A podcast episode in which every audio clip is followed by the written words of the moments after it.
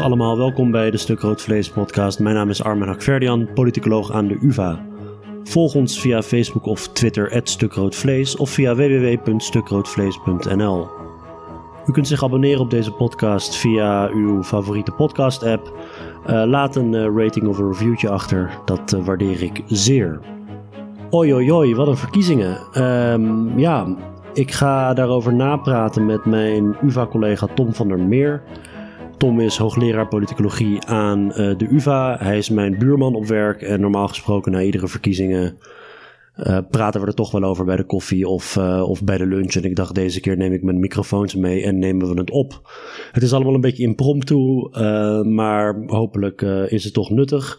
Vlak nadat we klaar waren met het gesprek publiceerde de NOS belangrijk onderzoek van Ipsos over kiezersstromen en over waar die winst van de Partij van de Arbeid nou vandaan komt. En um, de mobilisatie van achterbannen, laten we zeggen de opkomst onder achterbannen. En ik moet zeggen dat wat wij uh, in de podcast zeggen hier vrij goed op aansluit. Dus ik uh, ga er helemaal niks in knippen of plakken. Um, maar weet wel dat we deze cijfers dus nog niet onder ogen hadden gezien toen we hierover aan het uh, speculeren waren. U kunt Tom volgen via Twitter, TomWGVDmeer. En um, dat zou ik gewoon doen, want hij twittert vaak hele nuttige dingen over de verkiezingen. Heel veel plezier met Tom van der Meer.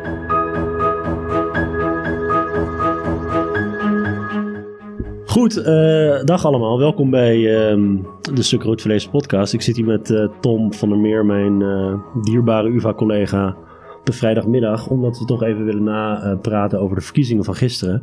Tom, welkom. Dank.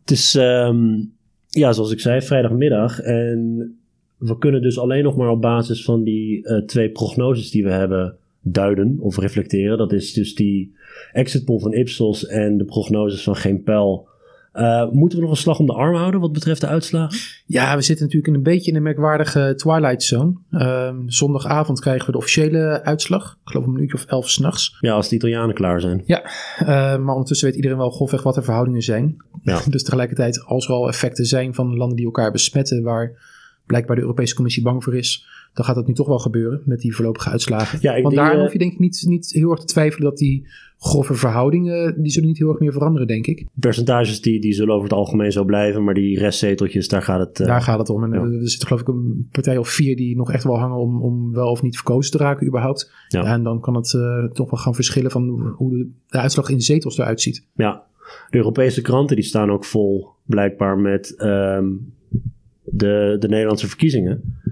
Alleen dan niet op basis van daadwerkelijke, gewoon op basis van alle getelde uitslagen, maar op basis van de twee prognoses die we hebben. Ja. Dus het is echt volledig absurd als ze denken van ja, als we die uitslagen maar uh, als we die bij ons houden tot zaterdagavond, dan heb je geen besmettings. Maar nu is gewoon de besmetting op basis van prognoses in plaats van de daadwerkelijke uitslag. Het staat helemaal nergens. Zou je het, ervoor zijn? Het, dat... het, lijkt misschien een beetje op hoe in sommige landen peilingen wel eens worden verboden in de week voor de verkiezingen. Ja. Dat er dan echt met een hele omslachtige bewering wordt beweerd van ja, de, de prijs van de, eh, de, de, de blauwe kaas is met zoveel cent gestegen. Ja. Dan is het niet officieel een peilingenuitslag, maar weet iedereen stiekem wel waar het eigenlijk over gaat. Dat, dat gevoel krijg je hier ook wel een beetje. Zou je ervoor zijn om te verplaatsen naar zondag, de verkiezingen in Nederland? Um, ja, het, het, als je de verkiezingen op zondag organiseert, zal de opkomst iets hoger zijn. Nederland is een beetje de uitzondering in Europa dat we het altijd op, uh, in principe op woensdag of nu op donderdag doen. Ja. Maar ja, dat doen wij vanwege een aantal principiële uh, uh, kleinchristelijke partijen. Die ik, dat niet ik denk dat het ooit principiële redenen waren om het niet op een zondag te doen. En dat het inmiddels gewoon een traditie is dat we dat niet doen. Ja. Dus die uiteindelijke twee prognoses die geven een beeld weer van um, een aantal winnaars. Uh, de Partij van de Arbeid, Forum en een aantal verliezers, D66, SP. Dat PVV. hele... Huh? PVV. Oh, de, uiteraard, ja, sorry, de PVV ook. Compleet ingestort. Nu is het natuurlijk altijd bij zo'n verkiezingsuitslag van wat is nou het grote verhaal? Of hoe duid je dat nou? Of wat, wat moeten nou de krantenkoppen zijn? Wat vind, je, wat vind je van de krantenkop van vanmorgen? Partij van de Arbeid de grootste bijvoorbeeld. Europa, uh, kiezer kiest voor Europa. Ja, dat is toch echt het verhaal. Hè? Dat, dat, dat één partij heeft twee zetels uh, gewonnen, misschien wel drie. En dat is natuurlijk dan de uitslag. Comeback! Ja, uh, ze zijn weer helemaal terug van, uh, van eventjes weg geweest. En dat ondertussen Forum voor Democratie ook zetels heeft gewonnen en het CDA juist heeft verloren. Mogelijkerwijs. Um, dat lijkt dan wat ondergeschild. Nee, het, het, het, past natuurlijk wel een beetje in het verhaal van, van deze campagne, waarin uh, um, media heel erg bezig zijn geweest met de vraag wie wordt de grootste. Ja. En nog ook vooral heel lang hebben blind gestaard op wie wordt de grootste van de twee rechtse partijen, uh, ja. VVD of Forum voor Democratie. Um, en daarbij... dit is de kop van NRC Next. Uh, P van de A wordt onverwacht de grootste. En dan in de subkop staat: Het moest een tweestrijd worden. VVD tegen FVD. Het werd een wederopstanding op links. Iedere zinsnede ja. is onzinnig. Nou ja, ja. Uh, het is een beetje een, een, een uh, vast uh, riedeltje van me aan het worden. Maar wie de grootste is, is in zichzelf een tamelijk irrelevante vraag. Um, ja. In een land dat ontzettend versplinterd is, zoals Nederland. Waarbij de grootste partij klein is. Um, deze keer niet kleiner dan ooit, maar nog steeds met 18% van de stemmen behoorlijk klein. Dat zou omgerekend in Tweede Kamerzetels zou dat 27 uh, zetels zijn. En bovendien gaat het je ook nog eens om een Europees parlement. Kijk, als het nou om, gaat om Tweede Kamerverkiezingen, dan kan je nog zeggen die grootste gaat niet automatisch regeren, maar die neemt in ieder geval de eerste week het voortouw voor de formatie. Ja. Maar bij een Europees parlement waarin Nederland zo weinig zetels heeft, er niet geformeerd wordt door het Europees parlement, Nederland geen voortrekkersrol heeft, is die, die, die fixatie op wie de grootste is, ja, gewoon jammerlijk. Ja, is absurd. Die, uh, dat was natuurlijk hetzelfde god voor de, voor de provinciale staten. Ja. Die, uh, die grootste uh, partij in Nederland is dus de afgelopen 30 jaar steeds kleiner geworden. Ik had daar net een tweetje over gepost. Het geldt ook voor Europese verkiezingen. Uh, even kijken hoor. Uh, op basis van de kiesraad. De kiesraad heeft trouwens een uh, vrij goede website tegenwoordig. Over ja, waar, heel goed. waar die uitslagen ook kunt, kunt aanvinken die je met elkaar wil vergelijken en zo. Um, goed zo, kiesraad. de, de grootste partij bij de Europese parlementsverkiezingen vanaf 79, dat is de eerste keer dat, die, dat het Europese parlement rechtstreeks werd gekozen, tot nou ja, nu op basis van die twee prognoses. Percentages zijn, gaan van 35,6 bij de eerste verkiezing dus. Het CDA was de grootste. Naar um, 33,7 in 84. Nou, op een gegeven moment in 94 30,8. Weer wederom het CDA. Dat gaat zo naar beneden naar de 20s in, uh, in 04 en, uh, en, en 09 tot 15%, 15,5% uh, vijf jaar geleden D66 en nu dus 18% Partij van de Arbeid. Dat is gewoon een, een halvering van de grootste partij. Ja. Nee, maar het, het rare is dus de grootste partij is kleiner dan ooit tevoren. Ik heb wel spottend uh, een beetje in navolging van wat Rob Ford een paar weken geleden op je podcast zei. Ja. Het vergeleken met de, de, de grootste smurf in het Smurfendorp. Ja. Maar de aandacht die naar die grootste smurf uitgaat, die, die wordt steeds groter. Ja, het is... Rens Vliegendhart heeft een paar weken geleden een, een, een, een uh, berichtje gepost op een stuk rood vlees. Waarin dat ook laat zien dat ook rond de Eerste Kamerverkiezing uh, ja. um, de aandacht daarvoor, vooral de provinciale statenverkiezing, de aandacht voor wie is de grootste steeds belangrijker lijkt te worden. Ja. Het is bijna een, een lineaire trend naar beneden. En uh, datzelfde ja, maar de omgekeerde dus ook. Hè? De aandacht voor de, de aandacht is bijna een, een, lineaire trend omhoog. De, je hebt dus de, hetzelfde zie je trouwens bij Tweede Kamerverkiezingen, bij Provinciale Statenverkiezingen. De versplintering bij Tweede Kamerverkiezingen is iets uh, iets lager. Dus die trendlijn in zijn geheel ligt, ligt iets naar boven. Maar het is dezelfde trend naar beneden. En bij provinciale statenverkiezingen is het dezelfde trend naar beneden. Maar dat is ook het echte verhaal. Het echte verhaal is, is niet per, per se de, de opschudding van deze verkiezing. Uh, hoewel er wel wat verhalen over te vertellen zijn. Maar het is vooral natuurlijk de, de, de doorgaande nivellering. In het, in het buitenland heet het al de Dutchification of politics. Ja. En dat is het werkelijke verhaal. Even over dat Timmermans effect. Hè? Uh, het komt niet helemaal uit de lucht vallen. Uh, het hele idee van die spitsenkandidaten, daar heb ik het met Katrien de Vries um, de vorige aflevering over gehad. Dat is een nieuw fenomeen. Dat is een heel merkwaardig fenomeen dat eigenlijk werd ingevoerd uh, naar aanleiding van het verdrag van Lissabon, waarin staat dat de commissievoorzitter gekozen moet worden of aangewezen moet worden met oog op de verkiezingen. Wat dat precies betekent is onduidelijk, maar het parlement heeft dat geïnterpreteerd als, nou ja, wij schrijven onze kandidaten naar voren als een soort van power grab, uh, um, ja, een intra-EU power grab. En dan kregen we dus dat systeem van die spitsenkandidaten, van die Europese lijsttrekkers. En Timmermans is er één van. Niet zomaar één, een van de grootste fracties in het parlement. Hij is ook een soort van uh, onderpaus van, van Juncker.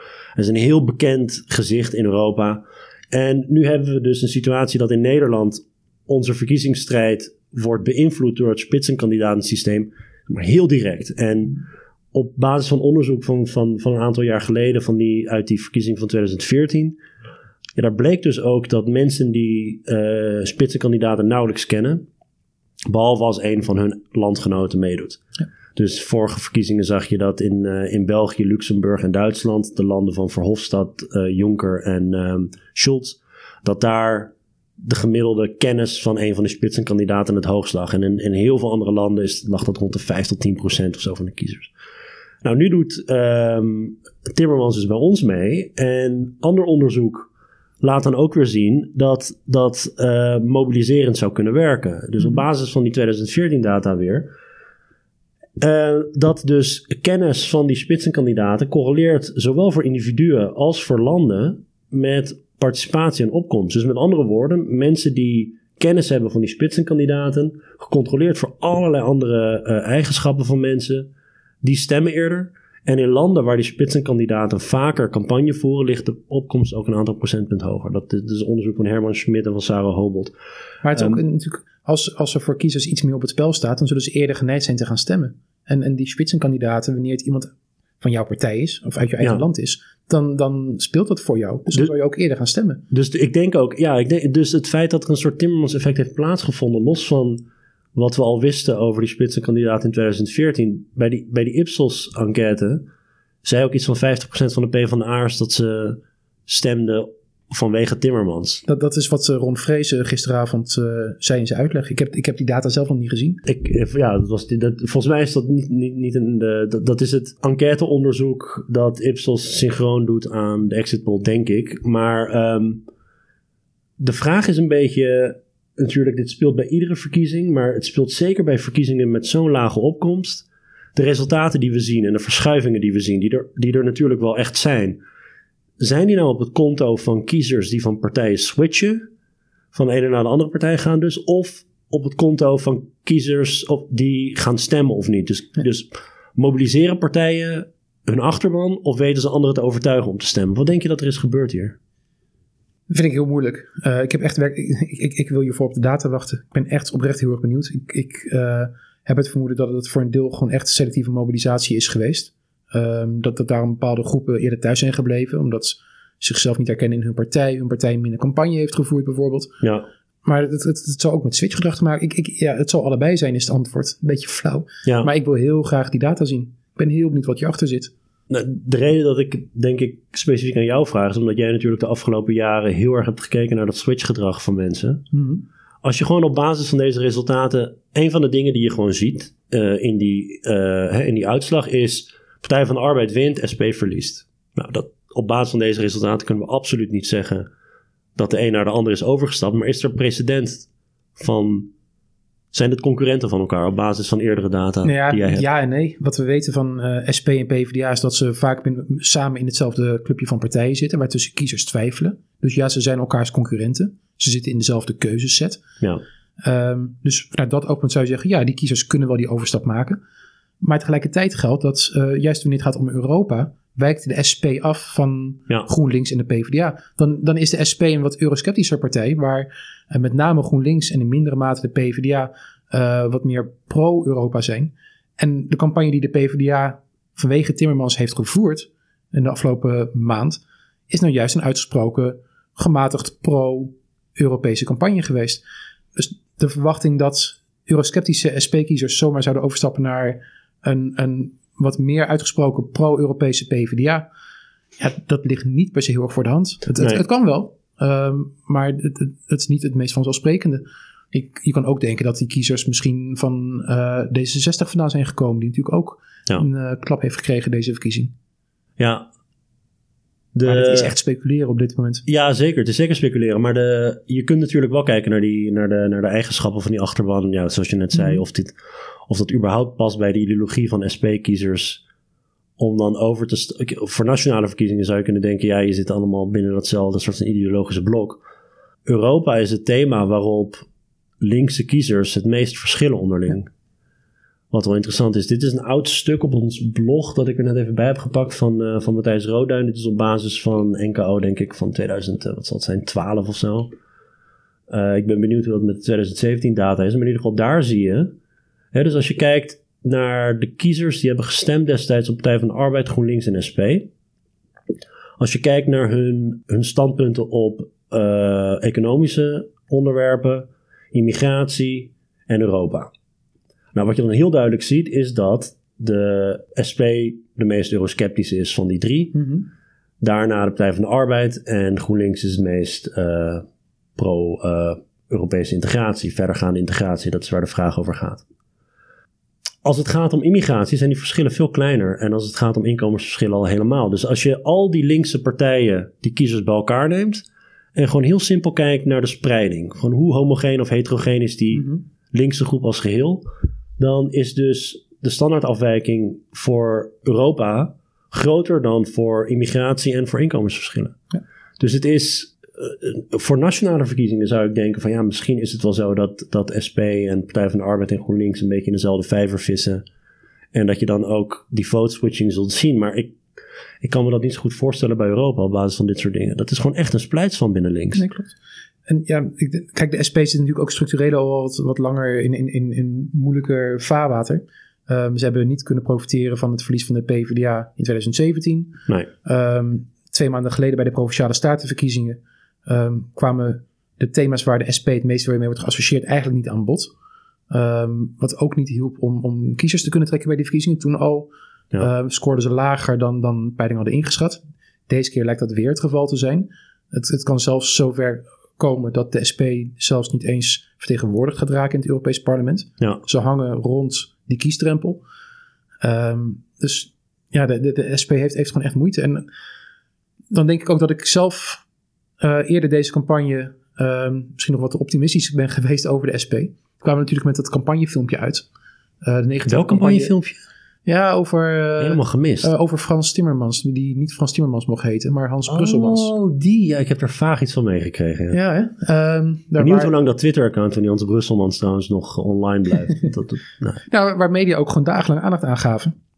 En de teneur was meteen heel erg van: oh, dit is een strategische uitgeleider. En eh, dit is slecht. Dit, dit, gaat ze, dit, dit krijgen ze terug op een bordje.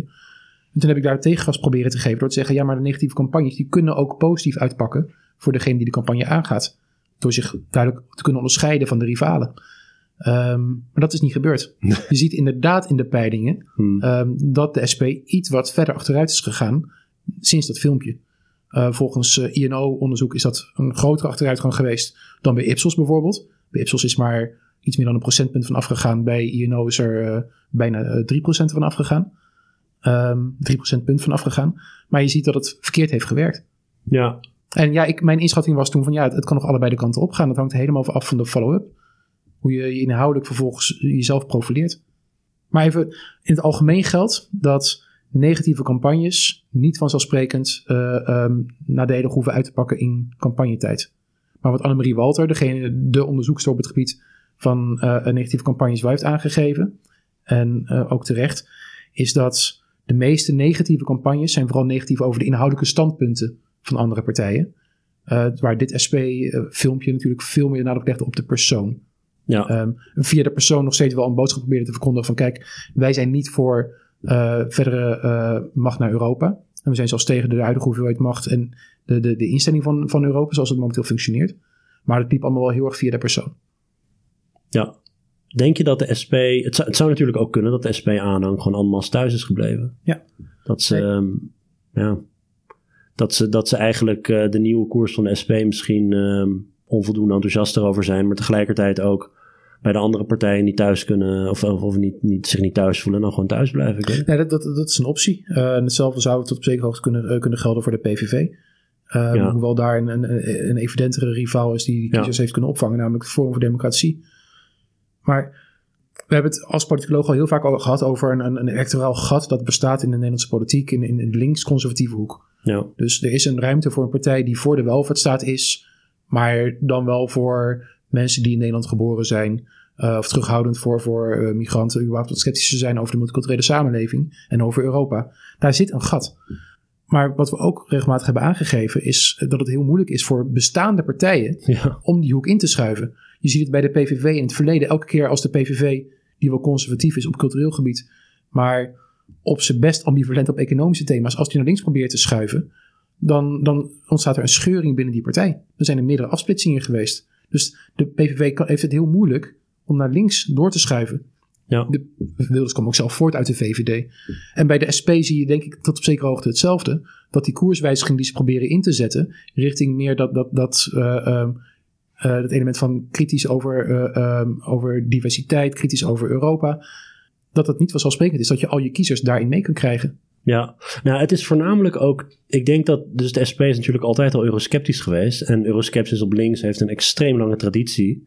Nog voor euroskepsis op, op rechts massaal werd gemobiliseerd. Een economisch verhaal over Europa. Het is een economische ehm, euroskepsis geweest. Ja, dat Timmermans filmpje, dat ging daar helemaal niet op in, bijvoorbeeld. En dat, wat, wat grappig is, is dat ook bij het panel van de hond, die daar naar vroeg, dat je in, bij zijn panelleden, uh, bij de uh, Forum en PVV panelleden van de hond, juist enthousiasme voor het filmpje zag. En niet onder de SP-kiezers, mhm. of in veel mindere mate.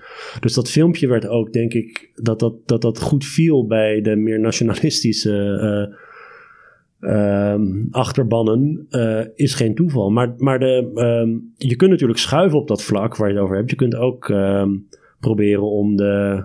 Het belang van de cultuur ja. uit te halen en jezelf te positioneren als je hoeft niet per se te schuiven. Ik bedoel, heel veel partijen proberen te schuiven. Je kunt ook proberen om uh, ervoor te zorgen dat het gesprek gaat over jouw onderwerp. Dat is natuurlijk nou, wat nou, moeilijker. Nou, nou, nou, bij SP heeft het een poosje geprobeerd rond het thema zorg. Ja, het is heel moeilijk om dat alleen te doen. Uiteindelijk in 2017 lukte het ze niet om dat centraal uh, als het centrale thema te krijgen. En bij de provinciale staatverkiezingen ging dat ook niet. Nee. Um, maar tegelijkertijd, het is tot op zekere hoogte wel de oplossing voor, voor zo'n spagaat waar een partij kan verkeren. Rutte deed het in 2010 wel. Dat is de reden waarom de VVD in 2010 zo groot werd. De, de VVD was acht jaar lang verscheurd door het thema van, van multiculturele samenleving. En uiteindelijk pas uh, bij Rutte in 2010 hadden ze het lek boven. Toen vreemde hij culturele thema's in termen van de economie. Hij, hij, er was een debat op een gegeven moment. Uh, haalde hij een beetje uit naar Wilders. Het maakt mij niet uit, zei hij, of, of, of die migranten nu komen uit, uit, uh, uit Marokko of van de Antillen of van waar dan ook. Nederland kan geen kansarme migranten meer aan. Hij vreemde het hele culturele debat in termen van economische woorden. Het ging om mm. kansarme migranten wat het probleem was, niet waar ze vandaan kwamen. Ja. En ja, daarmee kan je jezelf weer uh, uh, binnen een frame plaatsen waar je niet verscheurd hoeft te zijn. Nu zitten we dus in Nederland het, het grote verhaal, ik denk dat we het daarover eens zijn, jij en ik in ieder geval, dat, dat, dat dat versplintering is. En dat dat versplintering is die al een tijdje doorzet. En ik weet niet hoe verder Nederland nog versplinterd kan raken, of een bodem hebben bereikt of niet. Dat is allemaal nog veel te vroeg om erover te speculeren. Maar in ieder geval dat versplintering binnen ideologische blokken, dat dat het verhaal blijkt te zijn. Maar er, er gebeurt ook zoveel om, om zo'n verkiezingsuitslag heen. Simpelweg omdat er meer partijen zijn. En ook mm. eventueel meer winnaars en meer verliezers. En, en um, wat zijn nou precies. Hoe, hoe moet je als duider nou. Of als, als, als analist te werk gaan? Bij, met, met welke verkiezingsuitslag zou je bijvoorbeeld deze verkiezingsuitslag moeten vergelijken? Want iedereen kan een beetje cherrypicken. Ik bedoel, je, had, je had gisteren ook een tweet gestuurd dat het een beetje, uh, dat, dat is traditie geworden op verkiezingsavond, dat eigenlijk iedereen gewonnen heeft. Want de een vergelijkt het met de huidige zetelaantal, de een vergelijkt het met peilingen, de een vergelijkt met die verkiezing, met die verkiezing. Wat is nou een, een, een, een mooie vergelijking om te trekken um, als je deze verkiezingsuitslag wil, wil analyseren? Ja, ik denk niet dat er, dat er een eenduidige manier is om dat te doen, als ik heel eerlijk ben. Er is geen absoluut of goed referentiepunt waarmee je kan vergelijken je kan zeggen, vergelijken met de verkiezingen van, van vijf jaar geleden. En dat kan heel goed. Op die manier kan je kijken wie er gegroeid of gedaald is. Dan heb je in ieder geval ook die opkomst een beetje exact. stabiel. Dat... Maar tegelijkertijd kan je dan bijvoorbeeld uh, sommige partijen een pluim geven van kijk, ze hebben weer gewonnen. Terwijl de eigenlijke oorzaak van die winst misschien al een paar jaar geleden heeft plaatsgevonden. Ja. En je kan dan partijen verwijten dat ze weer verliezen. Terwijl het ergste verlies misschien al een paar jaar achter je ligt. Er is geen goed objectief criterium waarop je kan zeggen van daarmee moeten we vergelijken. Dat was nou het hele punt in een, uh, een meerpartijstelsel zoals Nederland dat al die verschillende motivaties van mensen om op een partij te stemmen door elkaar heen kunnen lopen. Um, en, en dat zich dat uit in, in continu wisselende verhoudingen tussen partijen. Ik denk dat je meer moet kijken naar de constanten die eronder liggen. De verhoudingen tussen links- en rechtse partijen, die over het algemeen relatief constant zijn in Nederland. Uh, naar de nivellering, in hoeverre die wel of niet doorzet. Dat zijn vragen waar je uh, serieus naar kan kijken, die, die minder sterk afhangen van de context de opkomst is toch ook wel een dingetje. Want ik, ik had de, in 1999 is hij volgens mij het laagst geweest, 30% of zo. Nou, dat is best aanzienlijk. 20 jaar later is dat het 13 procentpunt, nou, niet 13 mhm. procentpunt, misschien, uh, misschien nou, nou, 10 procentpunt hoger ligt. Ehm, ik, ik hoop van harte dat dat, dat dat doorzet. Want het feit dat uh, het Europees Parlement over de jaren heen wel steeds meer bevoegdheden krijgt, maar dat Nederlandse kiezers maar niet te polen zijn om, om te gaan stemmen. Uh, dat is natuurlijk ook wel een verhaal. Dat de ja. opkomst. Ja, ik moet nog zien hoe, in hoeverre dit een structurele stijging is. Um, maar ja. je, we hebben nu drie verkiezingen op rij gehad, uh, waarbij de opkomst, of nou drie verkiezingen. We hebben een aantal verkiezingen op rij gehad waar de opkomst hoger ligt. Dus we hebben het bij de Provinciale Staten gezien. We hebben het bij de Tweede Kamerverkiezingen gezien. De gemeenteraadsverkiezingen durf ik niet helemaal zeker te zeggen.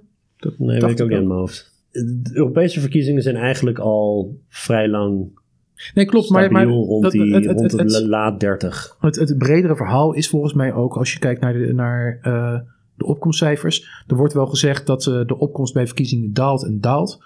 Ja. David van Rijbroek heeft daar nog een paar jaar geleden in zijn boek tegen verkiezingen nog gewacht van gemaakt. Van het gaat allemaal hartstikke slecht. Maar eigenlijk is de opkomst bij, bij verkiezingen op, op bijna alle niveaus in Nederland. ligt al een jaar of twintig enigszins stabiel.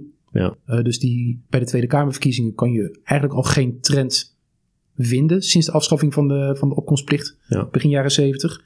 En bij alle secundaire verkiezingen, uh, dus tweederangsverkiezingen, zoals die voor de Provinciale Staten, uh, gemeenteraad en, en Europees Parlement misschien zelfs al een derderangsverkiezing, ja. zien we dat het de laatste twee decennia relatief constant is. Het fluctueert wel, ja. maar op een trendloze manier.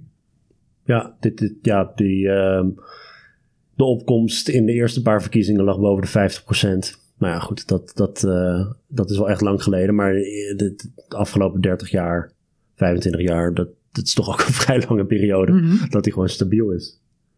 Uh, kun je iets meer vertellen over want, uh, die, hoe je verkiezingsuitslagen duidt? Je, je, had er een, een blogje over geschreven met Gijs Schumacher. Ja. Uh, over het belang van. Uh, nou, leg het zelf maar uit. Waar ging dat precies over? Nou, waar we vervolgens benieuwd naar waren. Uh, na afloop van de afgelopen provinciale statenverkiezingen. Is hoe kiezers vervolgens reageren op de verschillende manieren waarop je uitslagen kan duiden. Hoe waarheidsgetrouw vinden ze die duidingen? Dus hoe terecht vinden ze het bijvoorbeeld als je zegt dat de, de provinciale statenverkiezingen gewonnen zijn door het Forum voor Democratie? Of als je zegt als je de verkiezingen duidt als um, de, de, de versplintering heeft doorgezet. Of links en rechts blijven grofweg even groot. Dat zijn allemaal ja. uitspraken die je kan terugvinden in de verschillende media, in de verschillende outlets. Ja. Um, en, en, en dan kan je kijken, ja, hoe reageren kiezers daarop? En wat ons opviel is dat uh, de meeste steun bestond voor de interpretatie dat Nederland versplintert. Um, daar was ook bijna iedereen die die stelling te lezen kreeg, zei van ja, dat vind ik wel heel erg of enigszins waarheidsgetrouw. Oh. Uh, bijna niemand die zegt van dat voor mij niet zo. Dus kiezers die hebben door dat Nederland aan het versplinteren is. Ja, maar ze vinden dat ook een, een, een waarheidsgetrouwe duiding. Uh, ja. Dus het is nog, nog, er zit meer achter nog. Ja. ja. Um, en dan hadden we nog een aantal andere vragen. Bijvoorbeeld uh, dat um, Forum voor Democratie de grootste partij is. Nou, daar was nog wel een beetje de meeste verdeeldheid over. Oh. opvallend genoeg.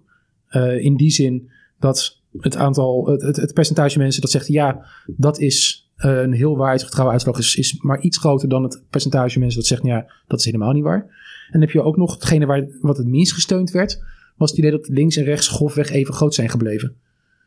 En ja, dat is ook maar dan totaal af van waar je staat in je, in je partijpolitieke spectrum ja. en waarmee je vergelijkt. Dus het was ook echt wel een, een, een rare manier om het te duiden. Maar bijvoorbeeld bij uh, Even tot hier, dat, dat uh, uh, satirisch programma op, op zaterdagavond.